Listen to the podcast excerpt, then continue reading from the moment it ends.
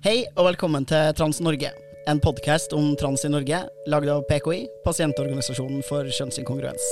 Jeg heter Luka Dahl Espeseth. Jeg bruker han som pronomen.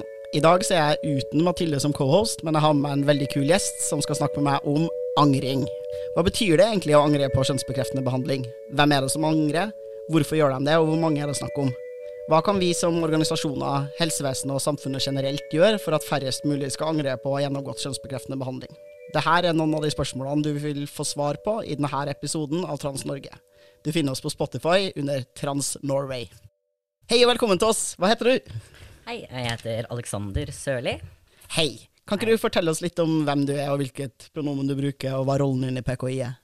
Det kan jeg gjøre. Jeg er fagansvarlig og nestleder i PKI, og pronomenet mitt er han.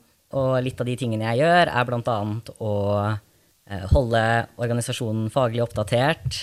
Jeg jobber mye med tilsynssaker, en del med opplæring, og holder en del foredrag bl.a. for helsepersonell og slikt. Jeg er også utdanna sykepleier, så jeg har et fokus kanskje primært da, på sånne helsefaglige ting. Så hvis noen har vært i kontakt med norsk helsevesen og er litt sånn stressa eller lurer på om noe har gått galt, eller sliter med å få ut journalen sin, og sånn, så er det der man skal ta kontakt med? Det er riktig. Da kan man ta kontakt med meg direkte. Jeg har også en mail som ligger ute på eh, PKI sine nettsider. Perfekt. Det er good to know. Så, eh, når vi snakker om angring, hva, hva menes egentlig med begrepet angring, og finnes det liksom andre, bedre begreper å bruke?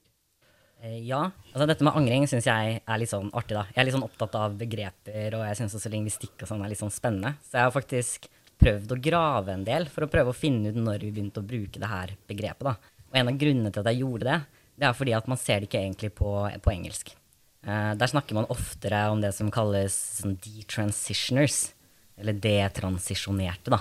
Som er personer som har gjennomgått kjønnsbekreftende behandling, og så gått tilbake til å leve som det kjønnet som de fikk tildelt ved fødselen. Vi hører på en måte veldig sjelden om liksom regretters.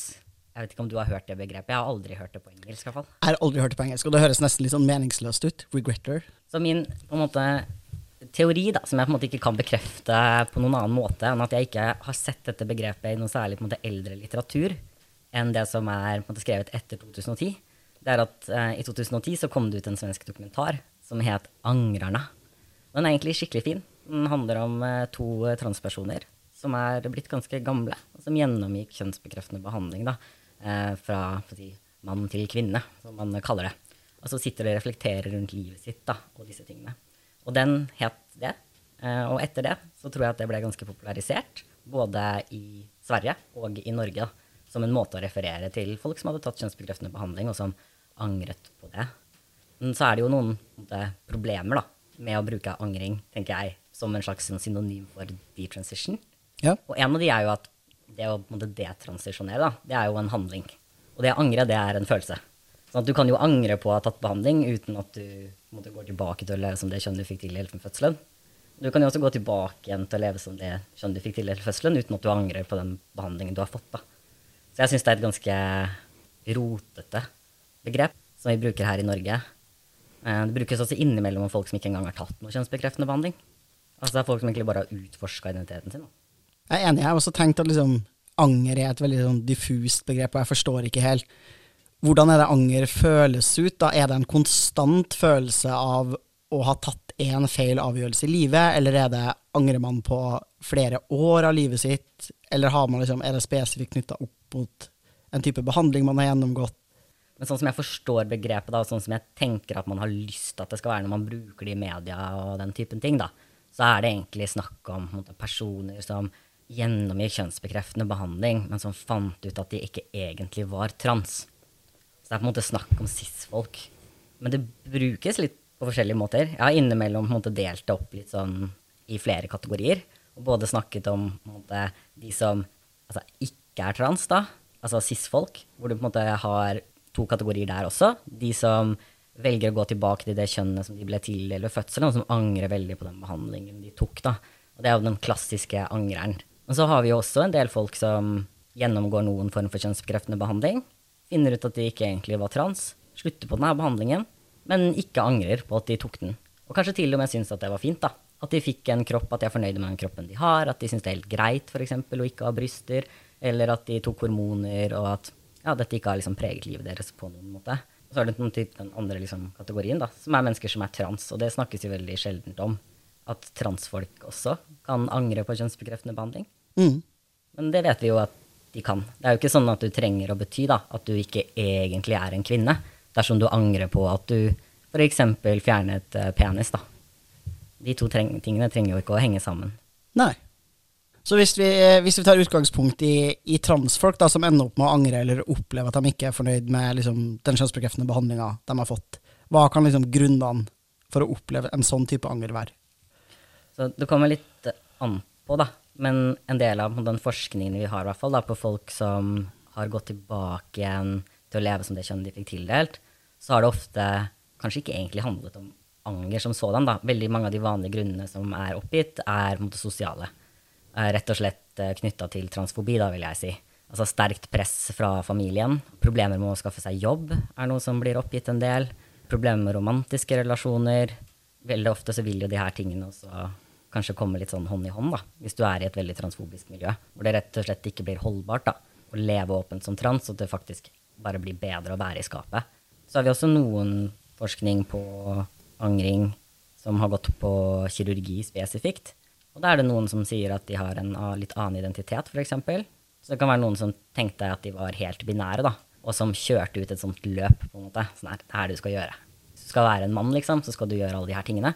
Og så har de kanskje skjønt etterpå da, at nei, egentlig så var jeg litt mer ikke-binær, og jeg skulle ønske at det hadde vært litt mer åpning for det. Og jeg angrer på at jeg tok denne behandlingen. Den tredje kategorien vil jeg si, er jo folk som får komplikasjoner da, som de ikke ønsker seg. Mm. Hva kan sånne type komplikasjoner være?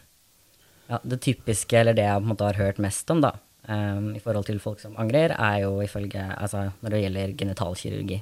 Det kan jo f.eks. være problemer med um, urinering er et relativt vanlig problem, altså med urinveiene. Mm. Det kan bli ganske kjipt hvis det ikke begynner å funke. Det å måte, hele tiden ha, ha, problemer med å tisse eller måtte åpne opp uh, urinrøret. For noen så kan det hende at de også bare ender opp med et resultat da, som de ikke er fornøyd med. F.eks. Mm. at de ikke klarer å bruke kjønnsorganet sitt uh, til sex, f.eks.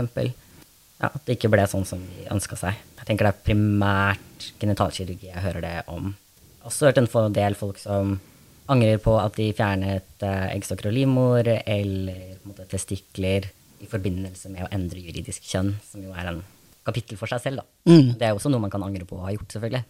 Så i, i dagens liksom, kjønnsbekreftende behandlingshelsetilbud så bruker vi en modell som heter liksom, gatekeeping, eller portvoktermodell. Det fører vel egentlig til at ganske mange av dem som søker kjønnsbekreftende behandling, blir avvist, og folk må gjennom ganske sånn omfattende testing, utredning, diagnostiseringsperiode.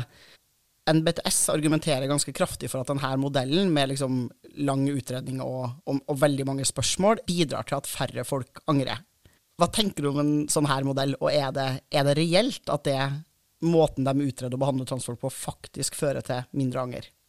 Det enkle svaret er at eh, vi har, ingen, vi har ingen grunn til å tro at det fører til mindre anger og det er også litt sånn påfallende, fordi i veldig mange land da, som vi samarbeider med, og hvor det gjøres eh, ganske mye forskning, også mer enn forskning det de gjør her, så har man jo eh, ofte en sånn det vi kaller en informert samtykkemodell, da, som nettopp baserer seg på at pasienten sammen med behandler ja, tar et informert valg, og hvor man ikke har denne lange prosessen. Eh, og det er ingenting som tyder på da, at f.eks. land eller stater som bruker en informert samtykkemodell, har flere folk som angrer, enn steder der hvor man har en streng portvoktermodell. Da. Og det burde vi jo sett, egentlig. Det burde vært ganske lett å se på hvis vi begynte å sammenligne. Jeg kan jo si på en måte litt sånn fort da, Jeg føler at veldig mange, når de på en måte hører det her med liksom portvokting eller gatekeeping, ofte reagerer litt sånn Ja, men er det ikke sånn alltid i helsevesenet? Og det er jo sant. Til en viss grad så er det jo sånn at du kan ikke bare gå til legen din og så be om en resept. Det er jo en viss grad av måte, portvokting Eh, og særlig i det offentlige helsevesenet. Da. Når man snakker om det her med kjønnsbekreftende behandling, refererer vi egentlig til en modell da, hvor man må gå gjennom en sånn her lang utredning, og hvor målet med denne utredningen er å finne ut om du egentlig er trans. Og om det du på en måte forteller om deg selv, da, eller forstår om deg selv, må du på en måte overbevise helsepersonell om. En informert samtykkemodell vil være mer lignende f.eks. det vi ser i sånn seksuell og reproduktiv helse i dag. Da. da vil det være sånn at du kan gå til eh, f.eks. fastlegen din eller en helsesøster da, og spørre om p-piller, f.eks. Så vil du på en måte i all hovedsak få en eller annen form for hormonell prevensjon dersom du ønsker deg det. Og det som vil skje da i den konsultasjonen, er jo ikke at du bare sier 'jeg vil ha akkurat denne p-pillen', jeg har ikke lyst til å snakke om det først, jeg vil bare at du skal gi det til meg. Men man har en dialog sammen, går gjennom ulike bivirkninger, ulike preparater, fordeler og ulemper. Og så kommer man på en måte sammen da, frem til en løsning som funker best for denne pasienten. Og det er det vi ønsker oss i PKI når det gjelder eh, kjønnsbekreftende behandling også istedenfor alternativet, da, som ved f.eks. reproduktiv helse kanskje ville handla om at du måtte gå et år i utredning. da. Ja, og en ting som jeg også har liksom tenkt på som jeg syns er veldig problematisk med den måten Rikshospitalet spesielt da, driver utredning og den her eh, portvokterfunksjonen sin på, er jo at de har som mål da, at veldig mange skal lukes ut, at det er veldig få som skal ende opp med behandling.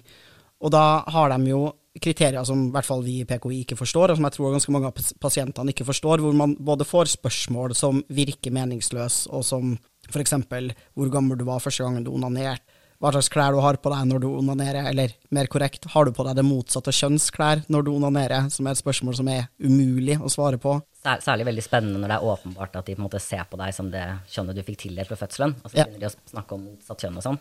Veldig interessant å prøve å finne ut om de mener mann eller kvinne. Men ja, altså absolutt.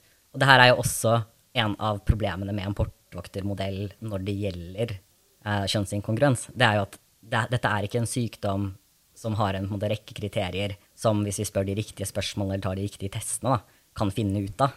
Sånn er det rett og slett ikke. Nå er det jo ikke engang en sykdom i diagnosemanualen som vi bruker, da. Men det gjør jo også at alle spørsmål de stiller, i all hovedsak er meningsløse, og de er i hvert fall ikke ting som er egna til å prøve å finne ut om noen får det bedre eller dårligere med kjønnsbekreftende behandling. Det er heller ikke min opplevelse at det egentlig har vært målet. Målet har vært mer å finne ut om du er trans eller ikke. Altså, er du, ek er du ekte transseksuell, eller er du ikke ekte transseksuell? Og så har det vært antatt at dersom du er ekte transseksuell, da har du behov for behandling, og du har behov for all behandling. Så man har ofte hatt en sånn, Du er enten på innsiden eller på utsiden. Hvis du er på innsiden, så skal du ha alt, og hvis du er på utsiden, så skal du ikke ha noe. Nei, og jeg tenker jo at det er, det er jo en modell som har ført til for ganske mange at man i møte med helsepersonell er redd for å snakke om usikkerhet, tvil, og faktisk presentere den ekte identiteten sin, fordi man har visst at kravene er at du er eh, binær, og at du ikke utviser noen form for liksom, tvil eller usikkerhet. Og det tenker jeg jo må jo føre til at mange ikke får diskutert ting de kanskje er bekymra for, ikke får helt den helseinformasjonen de burde hatt, og dermed har for lite og for dårlig informasjon da, til å ta et godt valg for egen helse. Og jeg klarer ikke å ikke forstå at, at, den logiske konsekvensen av det er at man faktisk lager flere folk som angrer. da. Ja, og det tror jeg absolutt er tilfellet. Og vi vet jo også at denne modellen har skapt masse folk som angrer. Jeg tenker at Grunnen til at man ikke bryr seg om det, det er at de folka som angrer, de er stort sett trans. Og det er på en måte noe vi gjennomgående ser. Folk er bare opptatt av måte, såkalte angrere når de personene er cis. Det er ikke før etter at noen har kommet ut og sagt at jeg, fant, altså jeg var ikke trans likevel, da, og jeg tok kjønnsbekreftende behandling. Det er da vi syns det er veldig problematisk. Eh, men det er jo ingen mangel på historier fra personer som sier at de har følt seg presset av Rikshospitalet og gjennom ja, og, dette portvoktersystemet, da, som sier at hvis du ikke ønsker deg alt, så skal du ikke få noe. Til å ta mer behandling enn det de ønska seg, og som angrer på det. Og det ser vi jo særlig i forhold til ja, reproduksjon. da. Men min opplevelse er at folk ikke bryr seg så veldig mye om det, og at det primært handler om at det er transfolk som har disse følelsene, og ikke cis-personer. Så den på påståtte omsorgen folk har når de liksom sier at det er veldig viktig at vi er restriktive på kjønnsbekreftende behandling fordi folk kan angre, er egentlig bare ren transfobi og et ønske om å liksom verne de vakre cis-folkene sine kropper.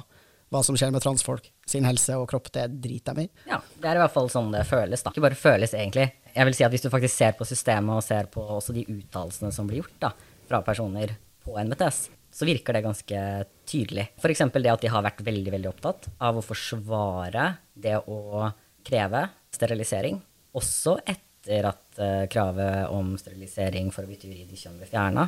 så har man vært veldig opptatt av at dette er noe man skal gjøre som en del av dette forløpet, selv om de vet at mange føler seg pressa til å gjøre det. Samtidig så har det vært veldig mye fokus på at de ikke kan gi behandling til ikke bare ungdom, for så vidt, også voksne mennesker, da, nettopp fordi de kan komme til å angre. Det for meg virker som det burde være motsigende, men ikke egentlig er det, hvis du tenker på at det de er bekymra for, det er at cis-folk skal ta behandling som de ikke trenger, og ikke hvorvidt måtte, transfolk får for, my for mye eller for lite behandling. Ja, det er jo tydelig at det er noen man har mer omsorg for enn andre, og det er som vanlig cis-folk. Ja, og så er man jo veldig lite opp, man kan si det, så er man også veldig lite opptatt av angring i de fleste andre på en måte, sektorer i helsevesenet. Og det er jo ganske mange av de som jeg mener faktisk er ganske sånn sammenlignbare. Da. Da kan du f.eks. først se på reproduktiv helse, og grunnen til at jeg mener at det er veldig sammenlignbart, er jo at det ikke er en sykdom. Man er også veldig opptatt av at eh, ja, men, eh, på transfolk så behandler man liksom disse her friske kroppene. Man skjærer friske kropper, man gir hormoner i friske kropper. Men det gjør man jo også hvis man gir noen hormonell prevensjon. Man gjør også det ved en abort. Man har folk i helsevesenet på tross av at de har helt friske kropper. Da. Og der er vi nesten litt sånn motsatt. Der er vi veldig, veldig opptatt av at folk skal ha eh, kroppslig autonomi. At det er folk selv da, som kjenner til sin egen situasjon best.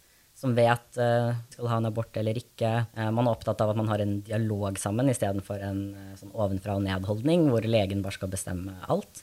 Så ja, der tenker jeg at der, der, er man ikke opptatt av angring. I hvert fall ikke i Norge. Hvis du hadde begynt å snakke om f.eks. at det finnes kvinner som angrer på abort, da, og brukt det som et argument for at vi eh, ingen skulle få fri abort, det skulle alltid avgjøres av en nemnd, f.eks., hvor du måtte prøve å finne ut om du hadde gode nok eh, grunner eller ikke, da, så tror jeg det hadde, hadde tatt seg dårlig ut da, i den eh, norske debatten å prøve å gjøre det. Ja, man ser jo hver gang noen prøver seg på noe som ligner på og går i den retningen der, så går det jo veldig mange titalls tusen folk i gata og er sånn herre, ikke rør retten til fri abort, da. Selv om det er jo unektelig slik at eh, kvinner angrer på abort også. Mm. Det fins ingen inngrep, så å si ingen inngrep som folk kan ta, da, hvor vi ikke ser at noen angrer på det. I hvert fall ikke uh, inngrep som ikke er liksom direkte livreddende osv. Så, videre. mm. så det vil vi på en måte alltid se, og det vil alltid være en risiko egentlig da, å leve i et litt sånn fritt samfunn der du selv kan velge hva du skal gjøre med livet ditt og kroppen din. Da er det alltid en sjanse for at du kommer til å angre på det valget. Ja, vi har egentlig ingen perfekt eller veldig god måte å finne ut av om kjønnsbekreftende behandling funker for folk. Det aller beste er nok å la folk bestemme selv, og få lov til å ta et veldig informert valg da, for eget liv. Uh, ja, og så kan man jo også si litt om måte, hva informert samtykke betyr. Da. Ja. Jeg tror innimellom at folk hører det, og så tenker de at det er snakk om at folk bare skal valse inn, si 'jeg vil ha testo', eller 'jeg vil ha østrogen', og så skal de bare få det, uten noen form for diskusjon. Da. Men det vi egentlig snakker om informert samtykke, da, er jo faktisk at folk skal få muligheten til å reflektere over, sammen med noen som har masse kunnskap om de her forskjellige typene behandlingene. Da ja, hva som er best for dem, hva som er tilgjengelig på markedet. Det er jo ikke sikkert at folk vet det. Man kan eh, diskutere om noen ønsker seg kirurgi, men ikke hormoner. Og så må man snakke seriøst da, om alle bivirkninger som eventuelt kan komme. Altså både positive og negative sider ved å ta de her behandlingene. Og det er den så informerte delen. da. Vi snakker ikke om bare samtykke, vi snakker om informert samtykke. Folk skal vite hva det her gjør med kroppene deres. Hva er positivt, hva er negativt? Hva kan ende opp med å bli annerledes enn det du ønska deg? Hva er egentlig målet ditt? Hva ser du for deg? Hva slags kropp er det du egentlig har lyst på? Hva slags kropp trenger du for å ha det bra? Og hvordan kan vi hjelpe deg, da? Det burde jo være det beste. Da kan folk også spørre litt mer sånn tydelig. Da er det jo også mye lettere for folk å si f.eks.: For, for meg så er det faktisk viktig at jeg kan få egne barn en dag. At jeg skal kunne gå gravid. Hva gjør testosteron med den muligheten? Det er jo spørsmål som vi får nå. Når folk går til NBTS, så spør de ikke de spørsmålene der. De sender en mail til PKI og lurer på hvordan det er, fordi de føler at det ikke er noe rom for å spørre om det, og fremdeles bli sett på som ekte nok. Ja, for hvis du sier at du er mann og samtidig kan finne på å ha lyst til å gå gravid, så vil nok sannsynligvis Rikshospitalet si at det er ikke forenlig med å være mann. Så får du ikke tilgang på noe behandling i det hele tatt. De aller fleste transfolk også egentlig har lyst til å snakke med folk. Eh, hvis det er kunnskapsrike folk da, som jobber i helsevesenet, at folk har liksom OK, jeg har lyst til å diskutere min komme ut-prosess, jeg har lyst til å snakke om hvordan min kjønnsdysfori oppleves, jeg har lyst til å prate om hvordan jeg ser for meg fremtida mi. Jeg kunne ha trengt litt hjelp til å rydde i noen problemer jeg har, eller jeg kunne ha trengt litt hjelp for å få familien min til å forstå meg bedre, eller partneren min, osv. Så, videre. så jeg tror også at ganske mange transfolk hadde, hvis man fikk velge helt fritt selv, da, faktisk ønska seg å, å, snakke med helsepersonell litt over tid, mens man vurderer hvilke medisinske tiltak man eventuelt skal gjøre, og også underveis og etter at man har starta på Ja, eventuell absolutt. behandling. Absolutt. Og det er også en av de måte, spennende tingene da, med liksom anklager som innimellom rettes mot transbevegelsen. Hvor man måte sier at transbevegelsen er så opptatt av å prøve å skjule alle de negative virkningene. og man er imot at det på en måte skal forskes eller at det skal komme fram. Da, at vi har kunnskapshull f.eks. når det gjelder ja, det å bruke hormoner i veldig mange år osv. Det er jo ingen som på en måte, er mer investert i å prøve å finne ut da, vet du hva, hva er det som skjer med kroppen min. Hva er det som kommer til å skje med kroppen min? Hva, hva må jeg passe på for å kunne ta vare på meg sjæl? Altså, dette er jo superrelevante spørsmål for et transfolk. Definitivt. Og altså, er det noen som jeg også tenker sånn her, Når jeg snakker med unge folk som vurderer å starte på f.eks. testosteron, da, så jeg helt sykt opptatt av å faktisk snakke om en del av de ulempene som jeg vet at Rikshospitalet ikke snakker om.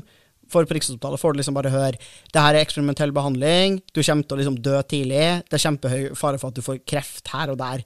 Som er opplysninger som til dels ikke stemmer, mens det kan være helt andre ting som transfolk liksom er opptatt av når det kommer til hvordan kroppene våre kommer til å fungere i, i framtida.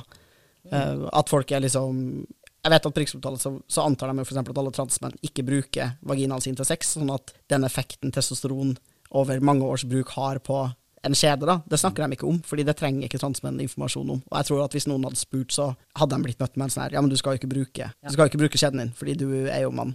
Eh, og det er også potensielt farlig. F.eks. når man fjerner eh, eggstokker og livmorhals. For eksempel, da. Hvis du bare antar da, at den personen ikke har noen form for penetrerende sex, så kan det være ganske skummelt. Hvis du ikke også forteller dem da, at det er viktig at de frastår fra det så og så lenge etter denne operasjonen. Så folk får jo ingen informasjon om at de kan bli gravide, f.eks. Hvis du tar det. Jeg tror kanskje de har begynt å informere mer om det i de en siste årene. Men det har vært veldig veldig fraværende veldig lenge. Da. Så på mange måter så mener vi jo at den her informerte delen da, av informert samtykke er jo ikke til stede. Folk får for lite informasjon, og folk tør ikke å etterspørre informasjon, i frykt for at bare spørsmålet i seg selv skal være en grunn til å bli avvist. Da. Så eh, du snakka litt tidligere om eh, den her eh, dokumentaren fra Sverige som heter 'Angrerne', som er fra 2011, tror jeg. Har du Ja, 2010. 2010? Ok, ja. Det sto 2011 på NRK, men det kan være at det var da NRK la den ut. Men det er i hvert fall, eh, som du, som du nevnte, så er det altså da to, to folk som har gjennomgått kjønnsbekreftende behandling på sånn 70-80-tallet i Sverige, og som nå ikke opplever å være fornøyd med det valget. Har du lyst til å prate litt mer om den? Jeg vet du har gjort deg opp noen tanker om denne dokumentaren, nemlig. Vil du snakke litt mer om det? Ja, eh, en av de tingene jeg syns er veldig sånn fint med den dokumentaren, da, er at den i veldig liten grad måte, er preget av det her eh, politiske liksom, ordskiftet som vi er i nå. Da. Nå er det måte, veldig vanskelig å snakke om noen ting transrelatert uten at det kobles opp til en sånn moralsk panikk. ikke sant? Angrere er jo på en måte bare noe du hører om i en kontekst hvor vi skal begynne å snakke om f.eks. portvoktermodellen og sant, en økning i henvisninger og alle disse tingene her. da. Og den dokumentaren den tror jeg på en måte bare kom akkurat før da, vi begynte å ha en sånn type diskusjon. Og det er veldig veldig tydelig i hvordan disse menneskene snakker med hverandre, og også hvordan de bare har fått rom da, til å prate. Altså Det er egentlig ingen der, tror jeg, andre som stiller spørsmål engang. Det er virkelig bare to personer som får lov til å diskutere sitt eget liv, se på bilder, prate om hvordan det var. Måten de på en måte interagerer med hverandre, da, selv om de ikke har møttes før, er veldig veldig interessant. Det er også veldig mange fine refleksjoner da, som de har gjort seg opp i forhold til ja, både det å leve som menn i samfunnet, om det å leve som kvinne i samfunnet, det å prøve å gå tilbake igjen, hva det vil si å være på en måte hel, å være en ekte mann eller en ekte kvinne. Jeg vil egentlig anbefale folk å se den. Jeg vet at mange transfolk er litt sånn der redde for å ta i ting som handler om angrere, fordi det er blitt så politisert da, og bare ofte har veldig mye sånn transfobisk retorikk. Men det er faktisk en genuin, veldig fin dokumentar som får fram stemmer da, som vi veldig ofte ikke får høre i det hele tatt. Ja, og det er en dokumentar med veldig mange fine, fine nyanser, som jeg tror kanskje går litt over hodet på en del cis-folk. Det virker i hvert fall sånn når jeg snakker med cis-folk som har sett den, hvor de er sånn herre De trekker med en gang den konklusjonen om at det er helt forferdelig at noen har angra. Det er det verste som kunne ha skjedd i noen sitt liv, og vi burde sørga for at de her menneskene aldri fikk kjønnsbekreftende behandling. Og det virker jo ikke som i den dokumentaren at det er noe sånn opplatt ting som helsepersonell burde gjort for å unngå at det her skulle skje. Nei, absolutt ikke. Det er til og med et litt sånn sjarmerende, syns jeg, øyeblikk i denne dokumentaren hvor, hvor en av disse mennene på en måte reflekterer rundt dette og sier at skulle ønske når jeg lå der og skulle ta den operasjonen, at bare kirurgen hadde sagt til meg er du sikker på at jeg skal gjøre det her? For da, da skulle jeg sagt nei. Og så bryter den her andre personen litt inn og, og sier det. Hadde du det? Hadde du egentlig det? Fordi jeg vet at for meg måte, så hadde ikke det hjulpet, sier han. Altså, det er en sånn der alt som hadde ledet deg opp til denne prosessen, da, så endte du opp på, det her, eh, på dette bordet på denne operasjonsstua. Er det virkelig sånn at det at det, den ene personen hadde spurt deg, da, eller er det bare et narrativ som du i ettertid har, eh, har sagt til deg selv? Jeg syns det er kjempeinteressant. Jeg er helt enig, det er ikke tydelig ja, i hvert fall ikke tydelig for meg at noen sånn portvoktermodell ville stanset dette. Da. Tvert om, det er jo åpenbart mennesker som har uh, gått gjennom veldig mye. I en tid hvor det var veldig ugreit å være trans, for å allikevel få de her operasjonene og kunne leve på denne måten. Det har jo på en måte ikke stoppet dem, da, virker det som. Det ser man jo med en del sånne andre, andre historier også, uh, fra angrere. Veldig ofte så er det egentlig ganske tydelig fra historien at portvoktermodellen på ingen måte har uh, stanset dem, da. Og jeg har heller aldri hørt om noen som har fortalt at ja, nei, jeg kom på Rikshospitalet, og de måtte, fikk meg til å innse at dette var feil for meg, og det ville jeg aldri funnet ut hvis ikke jeg hadde gått gjennom denne utredningen. Da. Nei, det har jeg heller aldri hørt noen si. Jeg kjenner jo også selvfølgelig folk som har eh, sosial transitiona, og så detransitiona igjen, eh, og funnet ut at de ikke ønska seg kjønnsbekreftende behandling i forkant av å ha tatt det, i all hovedsak. Det er de fleste jeg kjenner som mm. har gjort det den veien. Men det er jo en tankeprosess som de har gjort selv, og funnet ut av selv. Det var også en veldig mm, interessant artikkel på NRK i januar i år, som hadde den flotte overskriften 'En feilslått drøm om et annet kjønn', som handler om eh, Tomine. Kan ikke du fortelle oss litt hva den artikkelen handler om? Jo, det er en litt sånn lang reportasje, egentlig, om angring, og også om den her type, de kaller en sånn økning av unge jenter, da som oppsøker eh, helsehjelp. Står også litt sånn fascinerende at satt i parentes, tror jeg, fra NRK. Når vi snakker om jenter, så, så mener vi eh, jenter som ikke identifiserer seg som kvinner, men som menn. Så de snakker måte, åpenbart om transgutter. Det har kanskje vært lettere å bare si det. Ja, disse, de er veldig bekymret for dette. Og så har man funnet på en, en historie da, å fortelle som handler om en kvinne som har tatt noen form for kjønnsbekreftende behandling, og som fant ut at hun ikke egentlig var trans men det som er liksom spennende for meg med den, den reportasjen, da Eller er flere ting. La meg, ja, la meg walk us through it. Så den ene tingen som jeg syns er liksom spennende, det er at jeg vet at uh, NRK lette veldig lenge for å prøve å finne noen som kunne ta på seg denne rollen, da, som på en måte den angrende kvinnen trodde at de var en gutt, men som fant ut at jeg var feil, og som nå angrer veldig. Uh, de lette ganske aktivt for å prøve å finne noen i Norge som hadde denne erfaringen, da, og som var villig til å stille opp. Og selv når de altså, lot folk stille opp anonymt, så klarte de altså ikke å finne noen norske personer som hadde gjennomgått kjønnsbekreftende behandling, og som angra på det. Og som ville stille opp eller ha et sitat i det hele tatt. De fant, sier de, fire unge kvinner. Ingen av de hadde tatt noen form for kjønnsbekreftende behandling. De hadde skjønt at de ikke var trans før de i det hele tatt ble henvist til Rikshospitalet. Det er også spennende for så vidt da, å se på det, eller putte det i en sånn kontekst med angring, egentlig. For det høres jo bare ut som liksom naturlig utforskning av identitet. Hvor man har funnet dette ut måte, lenge før man var i nærheten av å komme til et sted hvor man kunne få kjønnsbekreftende behandling. Da. Så de ender opp med å intervjue en, en, kvinne fra Sverige, selv om det her er på en måte brukt i en, i en norsk kontekst. Og det sier noe om hvor få det er. da. Altså Ifølge Rikshospitalet så er det jo fem personer som har oppsøkt dem siden 2008 for å gå tilbake til uh, sitt tildelte kjønn, og bare to av de var tildelt et kvinnelig kjønn med fødselen. Ja. Så det er på en måte ikke, virker ikke som det er noe sånn stort problem, egentlig, da, selv om NRK åpenbart har på en måte lyst til, å, lyst til at det skal være det. Og så er det den historien med Tomine, da. Tomine, ja. Det er det hun heter. Ja.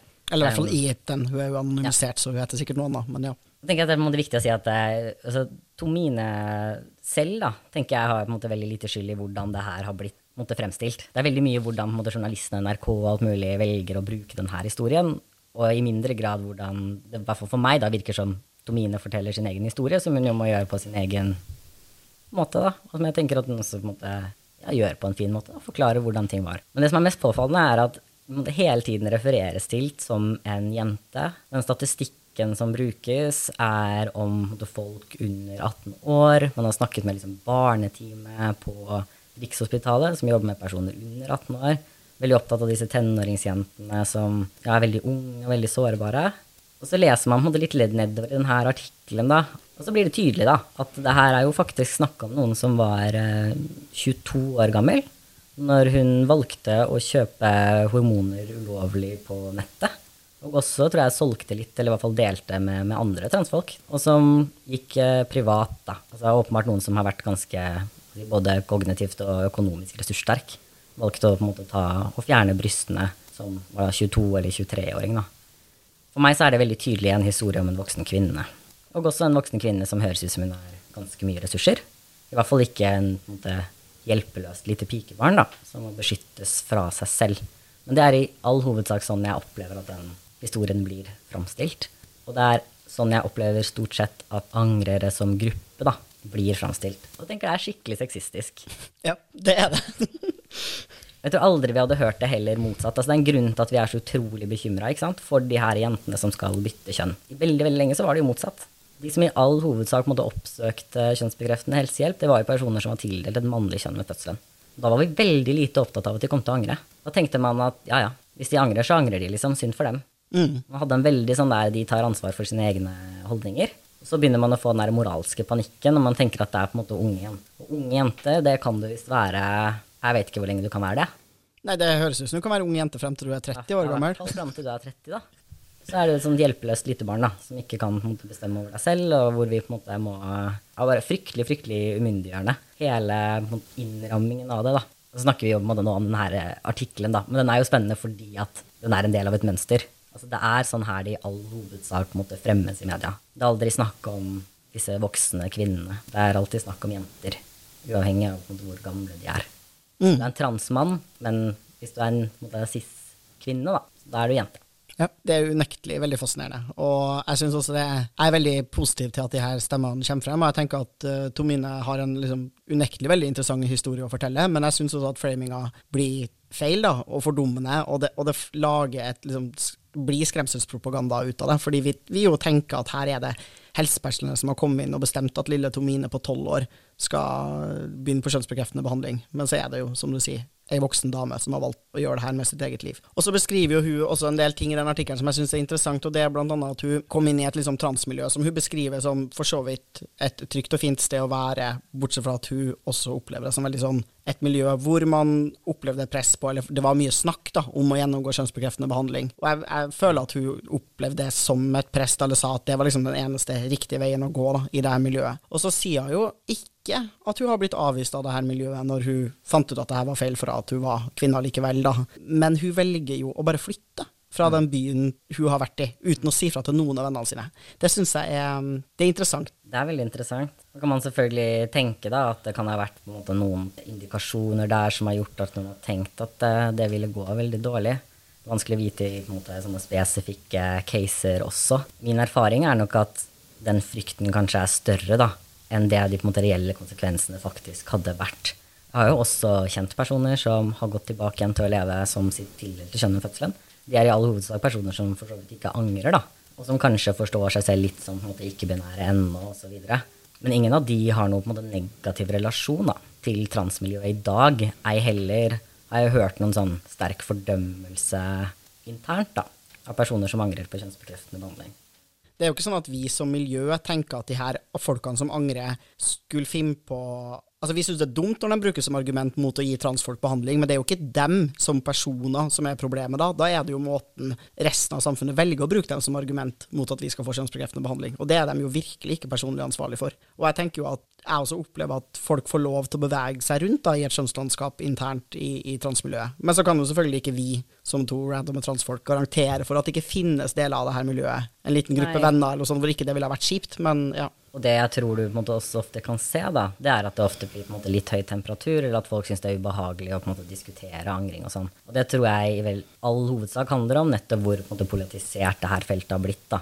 At med en gang det blir tatt opp, så er på en måte de tankene og assosiasjonene som transfolk får, da, nettopp til alle gangene de har blitt fortalt ikke sant, igjen og igjen og igjen at ja, men hva om du angrer deg, du kan ikke få denne hjelpen, men hva om du blir en sånn angrer?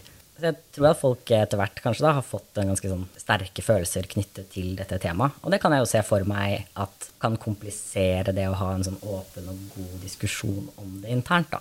Ikke fordi det nødvendigvis er sånn at man vil dømme liksom, eh, folk som angrer og har lyst til å gå tilbake til, til sitt til kjønn for whatever reason, men bare fordi ja, det nettopp har blitt kobla så tett opp mot da. anti-trans, anti-kjønnsbekreftende behandlingsideologien eller bevegelsen eller hva det er. da. Mm.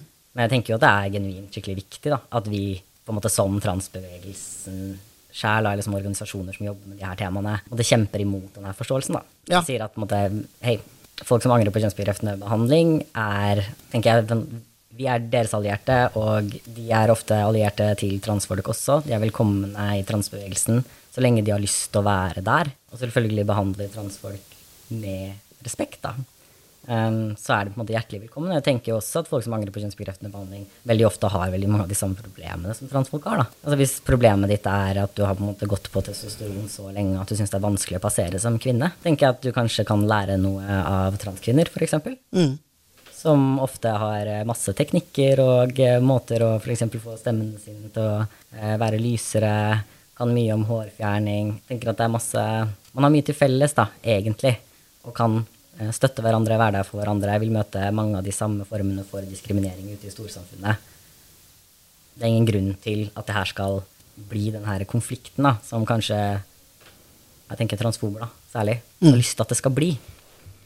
Ja, for jeg er, veldig, jeg er veldig opptatt av det. Jeg tenker at jeg håper at folk som har funnet ut at kjønnsbekreftende behandling ikke var riktig for dem, eller som har liksom tenkt at de er mann eller kvinne, og nå kan tenke at de er ikke-binære, eller tenke at de er det kjønnet de ble tildelt for fødsel, da. at er sånn her, dere er faktisk helt hjertelig velkommen i PKI. Og jeg tenker at vi som pasientorganisasjon også har de stemmene er ekstremt viktige da, for at vi skal kunne få mer kunnskap om hvordan helsesystemet burde se ut, alle de erfaringene og opplevelsene som folk har hatt da, i møte med Rikshospitalet og andre behandlere. Og da trenger vi faktisk et liksom, bredt spekter av stemmer, et mangfold av opplevelser og erfaringer. Og så er det jo også helt reelt, tenker jeg, at det i noen miljøer er sånn at man forventes å ta mot kjønnsbekreftende behandling hvis man skal være en mann, f.eks. At det er noen føringer da, internt i en del transmiljøer også. tenker jeg Det er absolutt uh, tilfellet. Men si, løsningen på det da, kommer i hvert fall ikke i form av en portvoktermodell, og veldig ofte så er det noe resultatet av det. Altså, det er jo at man sier tilbake igjen det man hører når man kommer til helsepersonell som sier til deg at eh, du kan ikke være en mann og kle deg sånn, du kan ikke være en mann og eh, ønske disse tingene, du kan ikke være en eh, kvinne som går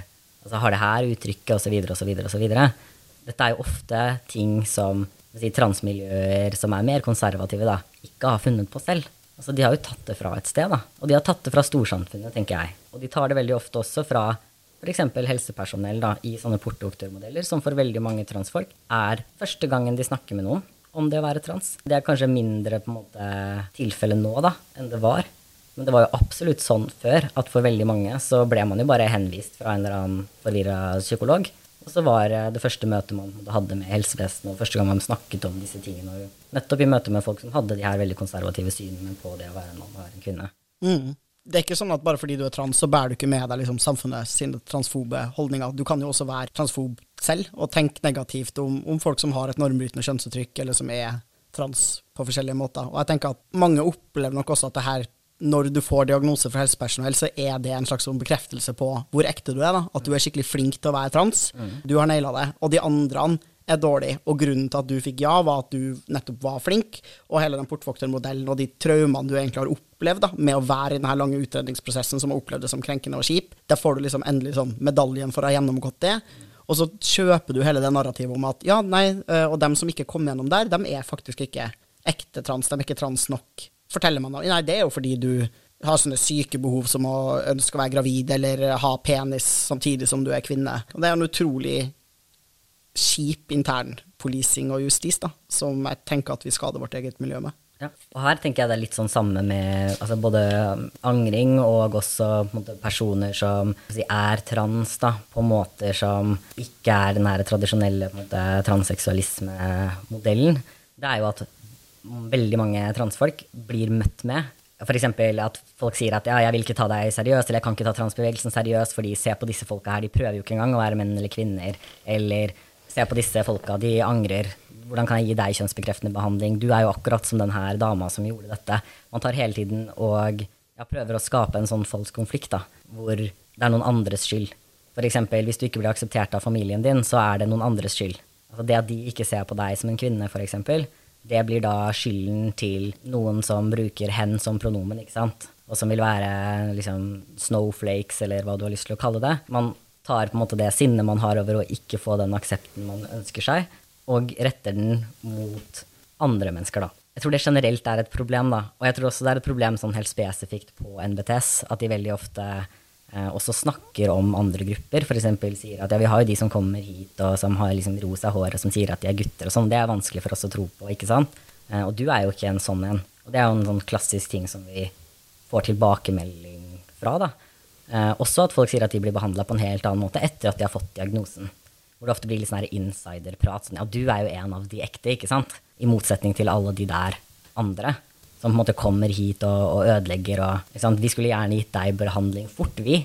Men grunnen til at du ikke kan få den behandlingen fort, det er jo at vi har alle disse raringene, ikke sant, som, som, bare skal komme inn hit, og som ikke egentlig er trans, og så må vi på en måte finne ut av det, da. Og da er det dessverre sånn at ting er kjipt og tar lang tid for deg også, men det er jo egentlig de, disse andre folkas skyld. Søker helsehjelp, på en måte, og som ikke burde gjort det. Fordi de er ikke ekte sånn som du er ekte. Det blir en sånn dikotomi, da. Jeg tror at den faktisk i stor grad er skapt av cis-folk, og skapt av denne portvoktermodellen også. Jeg er helt enig, og jeg tenker at det er selvfølgelig vanskelig, men det er sykt viktig da, at folk som er trans sjæl, klarer å plassere ansvaret for den diskrimineringa, stigmaet og liksom mangelen på tilgang til behandling og, og tjenester og, og, goder i samfunnet. Da. Man plasserer ansvaret der det faktisk hører hjemme, og det er ikke på andre transfolk. Mm. Samme hvor mye eller lite normativ de er i sitt kjønnsuttrykk eller i sin identitet. Da. Det ansvaret ligger faktisk på cis-folk og storsamfunnet, mm. og det vi må ikke gå med på en historiefortelling der cis-folk prøver å spille oss opp mot hverandre. Fordi de gjør det med vilje for å fragmentere vårt miljø, fordi de vet at det er kjempeeffektivt. Vi er jo vanvittig få mennesker. Så hvis man klarer å liksom spille opp konflikter mellom oss og få oss til å ikke være enige og ikke ha en felles front, så, så fragmenteres hele miljøet vårt også. Og da funker det jo ikke, rett og slett. Nei. Da kommer man jo heller ingen vei. Og man får ikke endra systemet. Og jeg mener jo genuint at det ikke er noen som tjener på at det er sånn det er nå, da. Nei, Ei heller de måte, som klarer å møte absolutt alle. Og de her kriteriene som er på en måte perfekte transseksuelle, da. Mm. De vinner heller ikke på at systemet er sånn som det er i dag. De blir jo også i dagens system utsatt for lange psykiatriske utredninger de ikke trenger, krenkende spørsmål og ekstremt lang venteliste og ventetid på alt mulig rart. Sånn at de hadde jo også hatt det lettere hvis det er klart at Dersom du har et narrativ også, da, og kjøper inn i et narrativ om at veldig mange personer som sier at de er trans, de er ikke egentlig trans, de er bare eh, forvirra lesber og homser eller har blitt utsatt for traumer og sånn, så er altså sannsynligheten veldig mye større da, for at folk tenker det om deg også. Altså, sånn er det. Det er veldig lett å prøve å ta avstand fra det da, og si at jeg er ikke sånn som de, men de fins, og de er mange. Men jeg er ikke en av de. Men sannheten er at veldig mange kommer til å tenke det også om deg, og veldig mange kommer til å tenke det om alle. Og det er jo litt av det vi ser i diskusjonen også.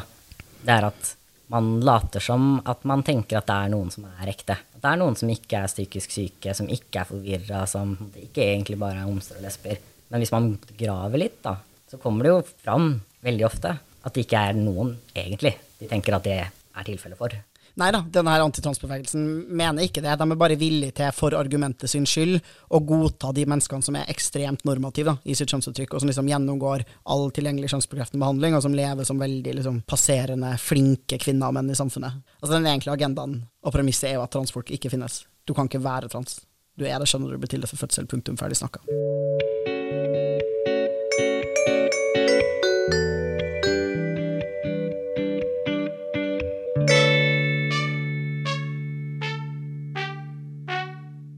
Vi har snakka litt eh, om at det ikke finnes så voldsomt mange angrere. Men hva vet vi egentlig om de faktiske tallene? Hvor mange er det som angrer? Er det? Fins det noe forskning her? Det finnes eh, noe forskning. De har selvfølgelig sett på litt sånn forskjellige ting. Og her er jo dette problemet med måte, begrepet angring igjen. Det kommer litt an på hva man mener med det. Noen ganger så har man f.eks. For forsket på hvor mange som har byttet juridisk kjønn, som etter hvert har byttet tilbake igjen. Da har man et litt større studie fra Sverige som så på alle som hadde bytta juridisk kjønn mellom 1960 og 2010, og se på da, ja, hvor mange av de var det som byttet tilbake igjen. Og da eh, fant de at det var 2,2% hadde byttet tilbake igjen ja. på et eller annet tidspunkt. Og så fant de at det var eh, blitt færre. Så det var på en måte vanligere å bytte tilbake igjen jo tidligere du transitiona. Og det er jo litt sånn spennende. Det er jo både et veldig lavt tall, og det er spennende at det har gått nedover. At det er andelen som eh, går tilbake igjen til tildelt kjønn, da, hvis vi tenker at juridisk kjønn matcher det, at den er mindre nå enn den var før. Så har vi litt sånne her studier fra USA, f.eks. på uh, kirurger, bl.a. en studie med 46 ulike kirurger som hadde til sammen 20 000 pasienter. Hvor mange som hadde, måtte oppsøkt dem, da, eller uttrykt på en eller annen måte anger for de her operasjonene. Da var det 0,3% som uttrykte anger for det. Jeg tror det var primært genitalkirurgi det var snakk om. Det er veldig, veldig lavt uh, antall, da. Så har du en stor rapport fra USA som hadde noen 28 000 respondenter eller noe sånt nå. Da var det 3% ca som svarte at de hadde gått tilbake til å leve som, som sitt tildelte kjønn, og fremdeles gjorde det i dag. Det var også ca. like mange som det, som på et eller annet tidspunkt hadde gått tilbake til å leve som sitt tildelte kjønn, men som nå var åpne trans igjen. Som kanskje er bedre forklart da, som noen som har gått inn i skapet og kommet ut igjen. Høres sånn ut. Så har vi jo disse tallene også selvfølgelig fra Rikshospitalet, som sier at det er fem personer som har oppsøkt dem angående det her eh, siden 2008. Så det er da fem personer på tolv år, da. Så kan vi selvfølgelig være åpne for at eh, det er mørketall her. Ikke alle kommer til å gå tilbake igjen til eh, kirurgene sine og si fra om at det har skjedd. Det er også mange som måte, ikke har vært f.eks. i det offisielle helsevesenet, og som kanskje ha følelser av anger jeg, jeg, tror ikke vi skal tenke at liksom, det her nødvendigvis er eh, 100 mot de tallene her, da. Men det er likevel veldig eh, en veldig lav angringsrate. Eh, det er ikke mange mennesker som angrer. Den, den, lille forskningen vi har, da, og de måte, rapportene vi har, så er det ingenting som tyder på at det er en stor andel. Eh, om noe så er måte, angringsraten veldig veldig lav, uansett hva du ser på, egentlig. Om det er på en måte juridisk kjønn, eller personer som har gått tilbake på en måte, sosialt til å leve som sitt tildelte kjønn, eller folk som angrer på eh, kirurgi alle de her måte, tallene da, eh, som vi har, viser at det tallet er veldig, veldig lavt. Og det er jo også, vil jeg si, den måte, kliniske erfaringen som helsepersonell rapporterer, inkludert Riksen, selv om de er veldig opptatt av det her. Det er jo også min personlige erfaring da, med å jobbe med transfolk i ja, nærmere ti år, er jo at det ikke er mange. Og selv om de kanskje ikke hadde kommet til meg, tenker jeg da, så tror jeg jeg hadde merket om det var sånn at liksom, 20% liksom av alle transfolka jeg hjalp, da, gikk tilbake til sitt tildelte kjønn. Så jeg hadde sett det, altså. Jeg tenker også at vi hadde merka det, fordi man møter så mange hundre folk. Det er jo ikke alle som blir værende i et miljø, men man er venner med dem på Facebook, man ser dem i noen setting seinere. Det er liksom så få da, jeg kjenner som, som har uttrykt noen form for anger, eller som har gått tilbake på en medisinsk transisjon, eller som har liksom eh, også sosialt det transisjonert. Ja, i, i alle fall hvis man på en måte tenker på det her som noe som man gjør etter at man har tatt kjønnsbekreftende behandling, da. Mm. Jeg tenker at det er en god del som er innom transmiljøet, som utforsker identiteten sin, finner ut at det ikke er riktig for dem, og forsvinner ut igjen. Men andelen som faktisk har gjennomgått kjønnsbekreftende behandling, og deretter gått tilbake til sitt tildelte kjønn, det kan ikke være mange. I alle fall ikke mange nok, da. Til at uh, det er et argument som jeg tenker at vi burde ta særlig seriøst i det hele tatt, egentlig, i forhold til hvordan vi skal legge opp behandlingen vår.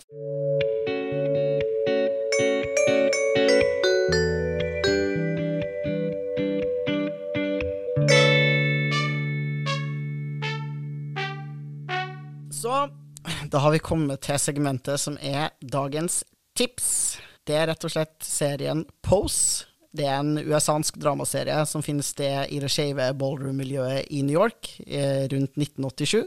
Det er en fantastisk serie som alle må se, og den har helt nydelig representasjon av rasifiserte transkvinner. Det er rett og slett en must see-serie for alle skeive folk. Det er en helt fantastisk serie, og så er det vanvittig kult at de faktisk har casta vanvittig masse svarte transdamer, liksom. Det er dritkult. Det er dritkult. Ja. Eller, altså, det skulle jo bare mangle, men vi er jo så sultefora på eh, god representasjon at vi blir sånn helt euforisk når det kommer noe som faktisk Og transfolk som spilles av helt ekte transfolk. Ja, det er jo, det er jo ganske sånn novel og nytt, det. At de gidder det. Ja. Kult. Da er det dagens spørsmål. Og her tenkte jeg at du skulle få lov til å hjelpe meg, Aleksander, for det er et veldig interessant problem som jeg vet at du har jobba litt med og kan masse om. Jeg gleder meg. Ja, så her kommer det. Jeg fjerna livmor, eggstokker og livmorhals i 2018 fordi NBTS sa at det var stor fare for å få kreft om jeg hadde disse her organene og gikk på testosteron samtidig. Her om dagen så leste jeg et brev PKI hadde skrevet til myndighetene der de sier at dette er grov feilinformasjon. Stemmer det at transmenn og ikke-binære på testosteron har forhøya fare for å få kreft, og dermed burde fjerne her organene? Jeg har for øvrig ikke noe problem med å ha fjerna dem, men jeg hadde nok ikke gjort det hvis ikke NBTS hadde sagt at det var medisinsk nødvendig. Svaret på det er jo egentlig ganske enkelt. Det er ingen forskning som tyder på at du har en forhøya sannsynlighet for å få kreft i de reproduktive organene dine om du går på testosteron. Eh, og det har man sett litt på. Man har prøvd å se på mortalitet også blant eh, transmenn som har gått på testosteron i eh, gjennomsnittlig 20 år osv. Ikke sett noen økning i dødsfall relatert til eggstokk- eller livmorhalskreft. Nei, jeg vet at folk sier det. Dette er også noe som man har sagt ganske mye i utlandet, og som i mye større grad har blitt problematisert i andre land. Eh, at eh, transmenn særlig da, blir fortalt at de må fjerne eggstokker og livmor. Og hvis de ikke gjør det, så er det en veldig, veldig høy risiko for kreft. Men det er ikke noen forskning som støtter opp under det. Tvert om så viser på den forskningen vi har, at de ikke har noen forhøya risiko. Så enn så lenge så er det ingen grunn til å fjerne de hvis årsaken til da, at du vurderer å gjøre det, handler om kreft. Det er jo helt forferdelig at Rikshospitalet da oppgir det som en grunn og råder folk til å fjerne organer de ikke trenger å fjerne. Ja, det er veldig spesielt. Og det hadde for så vidt også vært ganske drøyt selv om det hadde vært sånn. At vi hadde forskning som viste at det var en forhøyet risiko for å få kreft. Eh, Det er det jo noen sykdommer som kan gi deg, og den vanlige måten å håndtere det på, er ikke å bare anbefale folk å fjerne hele organet. Nei. Hva- ville man gjort da hvis man tenkte at det var en forhøya sjanse for at noen kunne få kreft? Hva ville vært liksom det gode medisinske rådet man fikk? Det vi ville anbefalt da, er jo at du gikk og testa deg oftere. Så da tok en eh, sjekk, såkalt celleprøve, f.eks. hvis det var livmorhalskreft vi var bekymra for. Vanligvis så sier vi at hvis du er over 25 år, at man gjør det hvert tredje år. Kanskje ville man da bedt om at folk gjorde det oftere. Man eh, fikk beskjed om da, hvilke ting er det jeg skal se etter, hva kan være noen symptomer på kreft. At man var, liksom, ja, var mer forsiktig, screena oftere og fikk informasjon om de her risikoene. Så kan man selvfølgelig velge å fjerne det, hvis man mente at det hadde vært verdt det. Da. Dette er jo et klassisk eksempel på det vi snakket om i stad, om informert samtykke. Dette er ikke informert eh, samtykke. Nei, det tenker jeg. Altså, det er, hvis man har gjennomgått et så omfattende og stort inngrep på bakgrunn av feil, feil helseinformasjon, så har man jo faktisk ikke noe mulighet til å avgi et informert samtykke. Og da mener jeg jo at altså, da kan man jo snakke om at samtykke i seg selv ikke er legit, da. Ja, absolutt, og det vil man også si i det norske helsevesenet. Og det mest forferdelige her er jo at det her er en person som oppgir at det her skjedde i 2018, så det her er jo heller ikke back in the days, når Rikshospitalet påstår at de ikke visste bedre, og man trodde at alle hadde lyst til å bli kastrert, og det var et krav om kastrering for å kunne endre juridisk skjønn. Så det er jo tydelig at Rikshospitalet fortsatt presser folk til å gjennomgå kastreringsinngrep, da. Ja, dette er en pågående praksis. eh, Og det er også en av grunnene til at vi sendte det her brevet, da, som blir referert der. Fordi vi fikk bekrefta at dette er noe som de forteller pasientene sine ennå. Og det vet vi at det ikke stemmer. Og da tenker jeg at det er det bare to muligheter her, da. Den ene er at Rikshospitalet faktisk ikke er oppdatert på denne forskningen. Da. At de faktisk genuint tror at det er sånn, at det er en så økt eh, risiko da, for kreft at man bør fjerne eggstokker og livmor hvis man går på testosteron. Det er i så fall veldig bekymringsverdig i forhold til måte faglig forsvarlighet. Da. Altså det må de faktisk vite hvis de skal jobbe med dette. Eh, og det andre alternativet er jo at de kjenner til forskningen og lyver om det til pasientene sine. Og det er på en måte så etisk forkastelig da, at det på en måte er vanskelig å forholde seg til. Jeg tenker at uansett hvem av de det er, da, så er det ikke holdbart. Nei, det er ikke det. Og vi kommer selvfølgelig som vanlig ikke til å få noe svar fra Rikshospitalet på hvorfor de sier det her til pasientene sine. Tusen takk for at du var med oss i dag, Alexander Sørli. Takk for at jeg fikk komme. Jeg heter Luka Dalen Espeseth. Takk til Martin Skjold for den nydelige Trans Norge-musikken. Følg Trans Norway på Spotify for å få alle episodene av Trans Norge. Spre ordet om podkasten om du liker den. Følg PKI på Facebook og Instagram. Takk til Salam for lån av utstyr til å spille inn denne podden. Meld deg inn i PKI på nettsiden vår kjønnsinkongruens.no. Takk for meg.